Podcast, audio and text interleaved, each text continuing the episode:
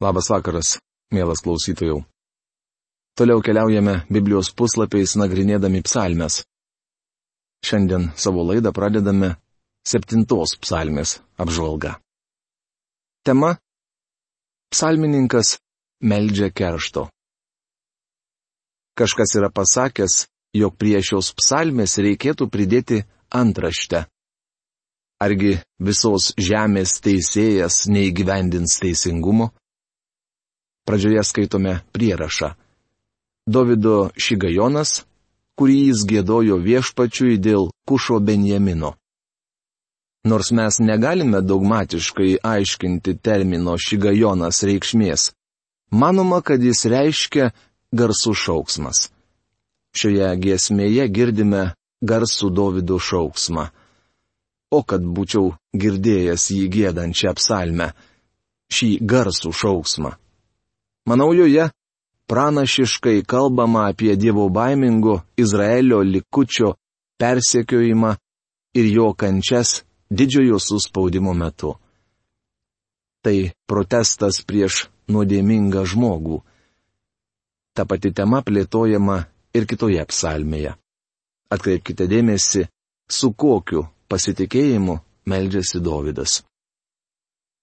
Viešpatie mano Dieve, prie tavęs glaudžiuosi, saugok mane nuo visų, kurie mane persekioja, ir gelbėk mane, kad jie kaip liūtai mane nusivilkę nesuplėšytų į gabalus, nes nėra kas išgelbsti. Septintos psalmės antra, trečia eilutės. Arno Gebeleino Biblijos vertime šios eilutės skamba taip. Jahve, mano Dieve, tavyje ieškau prieglaudos. Gelbėk mane nuo mano persekiotųjų ir išvaduok mane, kad kas neperplėštų man gerklės it liūtas, kuris sudrasko, kai nėra vaduotojo. Kas yra tas liūtas? Tai šietonas kuris anot Petro nuolat ieško grobio. Būkite blaivus, būdėkite. Jūsų priešas velnės kaip reumojantis liūtas slankioja aplinkui, tykodamas ką praryti. Rašoma pirmame Petro laiške, penktame skyriuje, aštuntoje eilutėje. Toliau Davidas kalba apie nepelnytus persekiojimus. Viešpatie, mano Dieve, jei tai padariau, jei kaltė suteršė mano rankas, jei piktu atsilyginau savo bičiuliui, bet pasigailėjau tų, kurie be priežasties buvo mano priešai. Septintos psalmės ketvirta penkta eilutės. Aš nesuvokiu, kodėl žmonės patiria kentėjimų, kurių nenusipelno. Tačiau žinau vieną asmenį, kuris viską supranta. Vieną dieną šią paslaptį jis atskleis ir mums. Mūsų gyvenime yra dalykų, kurių mes nesuprantame. Negaliu paaiškinti jūsų bėdų, nes nežinau, kodėl man pačiam reikėjo susidurti su įvairiais sunkumais. Tačiau vieną dieną Kristus viską paaiškins. Netrukus skaitysime nuostabes eilutes, kuriuose kalbama ne apie nakties tamsą, kaip šeštoje psalmėje, bet apie ryto šviesą. Viešpatie, pakilk įniršęs, užstok mane nuo priešų šėlsmo. Mano Dieve, pabusk teismui, kurį esi paskelbęs. Septintos psalmės septinta eilutė. Davidas prašo Dievą, kad jis apgintų ir atkeršytų jo priešams. Teisus teisėjas yra Dievas, Dievas, kuris gali kasdien bausti. Septintos psalmės dvylikta eilutė. Šiandien žmonės vadovaujasi taip vadinama nauja morale, kuri iš tikrųjų yra labai sena. Tačiau Dievas nepritarė tariamai naujai moraliai. Jis nekeičia savo standartų ir nebijo, kad atsiliks nuo šio laikinio mąstymo. Todėl kartu su Dovydu galime gėdoti, dėkosiu viešpačiui už jo teisumą, gėdosiu šlovės giesmę viešpačiui aukščiausiajam. Septintos psalmės 18 eilutė. Drauguži. Dievas susidoros su nuodėme ir piktadarybėmis. Galiausiai jis išraus blogį su šaknimis, apvalydamas nuo jo visatą. Garbė viešpačiui. Aštunta psalmė. Tema - mesianistinė psalmė, kurioje akcentuojamas Kristaus žmogiškumas ir galutinė jo kaip žmogaus pergalė. Mesianistinės psalmės vadinamos taip dėl to, kad Naujajame testamente cituojamos jų ištraukos tiesiogiai taikomos viešpačiui Jėzui Kristui. Aštunta psalmė Naujajame testamente cituojama tris kartus. Tiesą sakant, ją citavo net pats viešpats Jėzus. 21 Evangelijos pagal matą skyriuje aprašytas pergalingas Kristaus įžengimas į Jeruzalę. Vaikai šventykloje šaukė Osana Davidos sūnui, rašoma Mato Evangelijos 21 skyriaus 9 eilutėje. Aukštieji kunigai ir rašto aiškintojai priekaištavo Jėzui. Ar girdi, ką jie sako? Tuomet Jėzus atsiliepė. Girdžiu, argi niekada nesate skaitę iš vaikų ir kūdikių lūpų parengiai saugyrių? Rašoma Mato Evangelijos 21 skyriaus 16 eilutėje. Mūsų viešpats citavo 8 psalmės 3 eilutę. Jis norėjo pasakyti aukštiesiems kunigams ir rašto aiškintojams, kad jiems būtų neprošal pasiskaityti šią šventojo rašto vietą tuomet jie suprastų, kodėl vaikai šaukė. Antrą citatą iš šios psalmės randame pirmo laiško korintiečiams 15 skyriuje, kuriame kalbama apie Kristaus prisikėlimą.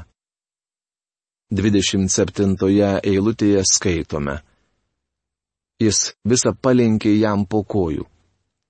Čia cituojama 8 psalmės 7 eilutė. Gana akivaizdu, kad šioje psalmėje kalbama ne apie mūsų laikus, mat Paulius paaiškina, jog jis visą palenkė jam po kojų, kai sakoma, jog visa palengta, tai savaime suprantama, kad išskyrus tą, kuris jam visą palenkė. Šiandien, žinoma, nematome, kad visa būtų palengta jam po kojų. Tačiau išsameusią citatą randame laiško hebrajams antros kiriaus penktoje, aštuntoje eilutėse. Iš jos daugiau nei aišku, kad aštuntoje psalmėje kalbama apie viešpati Jėzų Kristų. Ne angelams jis pajungė ateities pasaulį, apie kurį kalbame.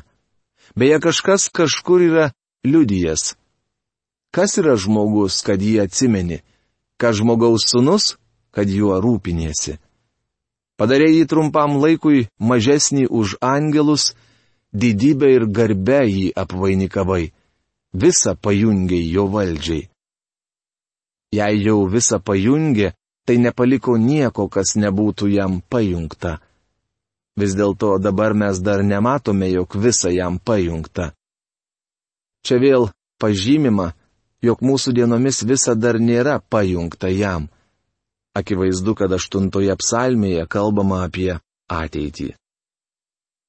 Perskaitykite laiško hebrajams antros kiriaus devintą eilutę. Tačiau regime tą trumpam laikui padarytą mažesnį negu angelai, kad Dievo malonė už kiekvieną jis paragautų mirties, Jėzų, už mirties kentėjimus, apvainikuotą didybę ir garbę. Aštuntoje psalmėje kalbama apie Jėzų. Antroji misianistinė psalmė prasideda teiginiu. Viešpatie mūsų Dieve, koks nuostabus, arba kaip verčia profesorius Algirdas Jurienas, didingas tavo vardas visoje žemėje. O baigėsi tokiais žodžiais. Viešpatie mano Dieve, koks nuostabus, didingas tavo vardas visoje žemėje. Čia nekalbama apie mūsų laikus. Šiandien Dievo vardas nėra labai didingas pasaulyje. Neseniai golfo aikštynę girdėjau, kaip vienas senyvo amžiaus vyras, stovintis ant amžinybės lenkščio, piktam naudojo viešpaties vardą, tarė į taip, kaip nedėra. Kita kartą, eidamas gatve, išgirdau besikeikiant gražiai apsirengusią ir padoriai atrodančią močiutę kad būtumėte girdėję, kaip jį keikėsi. Šiandien Dievo vardas nėra labai didingas. Tiesą sakant, žmonės nūdien nedaug kalba apie Dievą. Jo vardas niekada neminimas žiniuose. Juk Dievas taip pat turi naujienų. Jis jas kūrė. Tačiau jam neatsiranda vietos televizijoje. Tik draudimo kompanijų polise atskirai paminėtas atvejis, kai nekilnojamą į turtą sunaikina koks nors dieviškas veiksnys. Ar jie mano, kad vienintelis Dievo užsiemimas naikinti namus? Niekur kitur jo vardas viešai nebeminimas. Dievui priskiriami tik blogi dalykai. Jis nurašomas ir neatsitiktinai. Mokyklose Dievo žodis nepageidaujamas plačių pažiūrų laisvamaniai mano, jog reikėtų legalizuoti pornografiją. Juk nevalia varžyti piliečių laisvių ir teisių. O aš ar neturiu dalies toje laisvėje? Aš norėčiau, kad mano anūkai mokykloje galėtų melstis. O jūs? Norėčiau, kad Dievas būtų viešai pripažįstamas. Norėčiau, kad viešose vietose būtų melžiamasi. Ar aš šioje šalyje daugiau nebeturiu jokių teisių? Šiandien Dievo vardas anaip tol nėra didingas. Neseniai per televiziją mačiau jaudinantį dokumentinį filmą apie keliones. Keli vyrai kopė į Everesto viršūnę, kur siautėjo baisus vėjas. Tas senas kalnas bylojo jiems, kad žmogus yra niekas per visą filmą nie karto nebuvo užsiminta apie Dievą. Kalnai tai yra žemių ir akmenų krūva, ant kurios auga keli medžiai. Jie nekalba, neniršta ir nepriverčia žmogaus pasijusti menku. Tai daro Dievas, kuris ir sukūrė kalnus. Tai jis padėjo tiems vyrams Everesto viršūnėje pamatyti savo menkumą tačiau jie neišvydo Dievo didybės, tik kalbėjo apie gamtą. Šiandien Dievo vardas nėra didingas pasaulyje. Pirmoje aštuntos psalmės eilutėje skaitome pranašystę apie ateitį, šlovingą ateitį. Tai mesianistinė psalmė, kurioje atskleidžiamas Dievo žmogus. Joje akcentuojamas Kristaus žmogiškumas ir galutinė jo kaip žmogaus pergalė. Antroje psalmėje matėme atstumtą žmogų ir žmonių sukilimą prieš Dievą. Aštuntoje psalmėje matome, kad galiausiai žmogus šioje žemėje įgauna valdžią. Ateis diena, kai Dievo vardas bus didingas visoje žemėje. Čia dėlėtų paminėti, kad ši psalmė adresuota choro vadovui pagal Gititą. 81 ir 84 psalmės taip pat dedikuotos choro vadovui pagal Gititą. Ką tai reiškia? Paprastai aiškinama, kad Gititas yra muzikinis instrumentas panašus į lyrą. Žydų mokslininkas teigia, kad žodis gititas yra kilęs nuo gato miesto pavadinimo ir gatiečiai puikiai žinojo šį instrumentą. Jūs prisimenate, kad Davidas buvo radęs gate prieglopstį, bėgdamas nuo karaliaus Sauliaus. Galbūt tuo metu jis išmoko skambinti šiuo keistu instrumentu, o vėliau supažindino su juo izraelitus. Bulgatoje ir septuagintoje žodis gititas verčiamas vynogių spaustuvas. Manau, tai taip pat savotiškai prasmingas vertinys, mat aštuntoje psalmėje parodoma, jog viešpats Jėzus pateko į kančių spaustuvą dėl mūsų. Kaip žmogus jis paragavo mirties už visą žmoniją. Paragavo kartaus spaustuvo vaisiaus. Vėliau Izaijas sakys, kad viešpats Jėzus ateina iš Edomo. Jis byloja, aš vienas traiškiau vynogės spaudykloje. Iš tautų nie vienos nebuvo su manimi. Jas traiškiau pagautas įniršio, mindžiojau kupinas pykčio.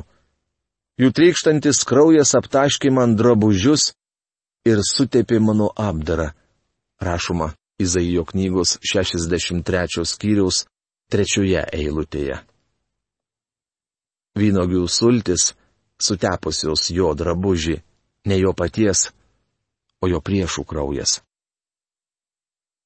Matote, jei šiandien Kristaus kraujas jums nieko nereiškia ir jūs nesate išgelbėtas, stosite prieš teismą. Arba jo kraujas, bičiuli, arba jūsų. Tokioje padėtyje yra kiekvienas šio pasaulio žmogus. Aštuntą psalmę parašė Dovydas.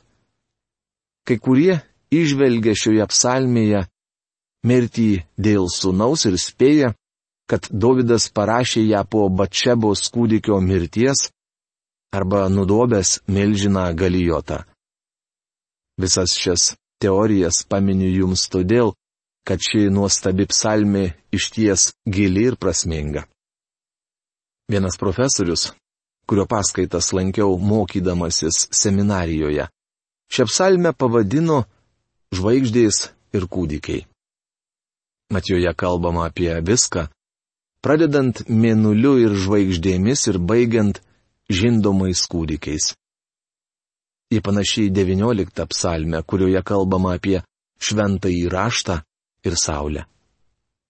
Tačiau čia, aštuntoje psalmėje, saulė neminima. Viešpatie mūsų Dieve, koks nuostabus tavo vardas visoje žemėje savo didingumu apdengiai dangaus aukštybės. Mažylių ir kūdikių lūpomis sukūrei savo šlovę, engėjams sugėdinti, kad nutildytum priešą ir maištautoje. Aštuntos psalmės, antra trečia eilutės. Būdama žemėje, viešpats atskleidė šios eilutės tiesą, sakydamas. Iš tiesų sakau jums, Jeigu neatsiversite ir nepasidarysite kaip vaikai, neįeisite į dangaus karalystę, rašoma Mato Evangelijos 18 skyriaus trečioje eilutėje.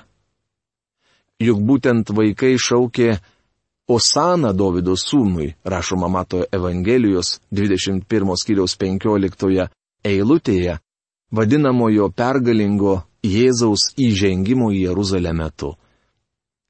Mano nuomonė, tai nebuvo pergalingas įžengimas. Mums reikės palaukti, kol jis sugrįž į šią žemę antrą kartą. Tuomet jo įžengimas bus išties pergalingas. Tai tik trumpas antrojo Jėzaus ateimo provaizdis. Kai jis sugrįž antrą sykį, jis teiks šioje žemėje savoją karalystę. Tuo tarpu dabar mes turime atsiversti ir pasidaryti kaip vaikai. Manau tai reiškia, kad mums reikia gimti iš naujo ir tapti vaikais. Tarsi mažyliai mes paliekame nuo šaly visą savo puikybę ir artinamės prie Dievo paprastų tikėjimų. Koks nuostabus ir didis mažylio tikėjimas. Šioje psalmėje matome viešpatį kaip kūrėją. Gamta yra jo kūrinyje, o žmogus kūrinys.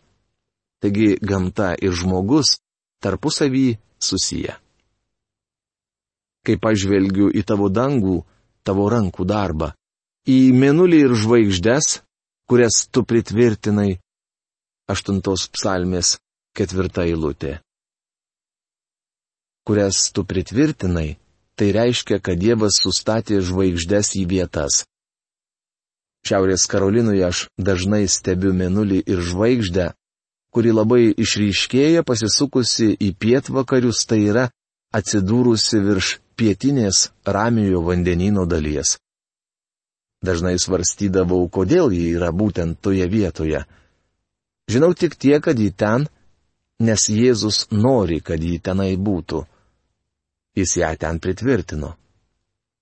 Mano studijų kambarėlį viskas sutvarkyta pagal mano nuožiūrą. Pavyzdžiui, knyga guli toje vietoje, kur aš noriu, kad ji gulėtų. Žvaigždės išdėstytos ne mano, bet viešpaties Jėzaus nuožiūra. Jis sustatė jas į vietas. Tiksliau, skaitytą eilutę yra išvertęs profesorius Algirdas Jurienas. Iš tikrųjų, ji prasideda taip. Kai žvelgiu į tavo dangus, tavo pirštų darbus Dangus yra jo pirštų darbas. Įdomu, kad viešpaties ranka Biblijoje siejama su išgelbėjimu. Kas galėtų patikėti tuo, ką mes girdėjome? Kam buvo apreikšta viešpaties ranka rašoma Izaijo knygos 53 skyriaus pirmoje eilutėje? Tačiau kuomet kalbama apie dangaus ir žemės sukūrimą, sakoma, jog tai jo pirštų darbas kaip yra pasakęs Džonas Veslis, sukurdamas dangų ir žemę, Dievas net nesušilo. Kūrinyje buvo jo pirštų darbas, tarsi nėrimas vašėliu. Dievas apgaubė kūrinyje savo šlove. Ji didinga ir kupina šlovės, tačiau mes negarbiname Dievo kūrinijus. Mes garbiname kūrėją. Dievo pirštų darbas atskleidžia mums jo šlovę ir galę. Mielas klausytojau, toliau aštuntą skyrių nagrinėsime jau kitoje mūsų laidoje. O šiandien noriu su jumis atsisveikinti. Sudė.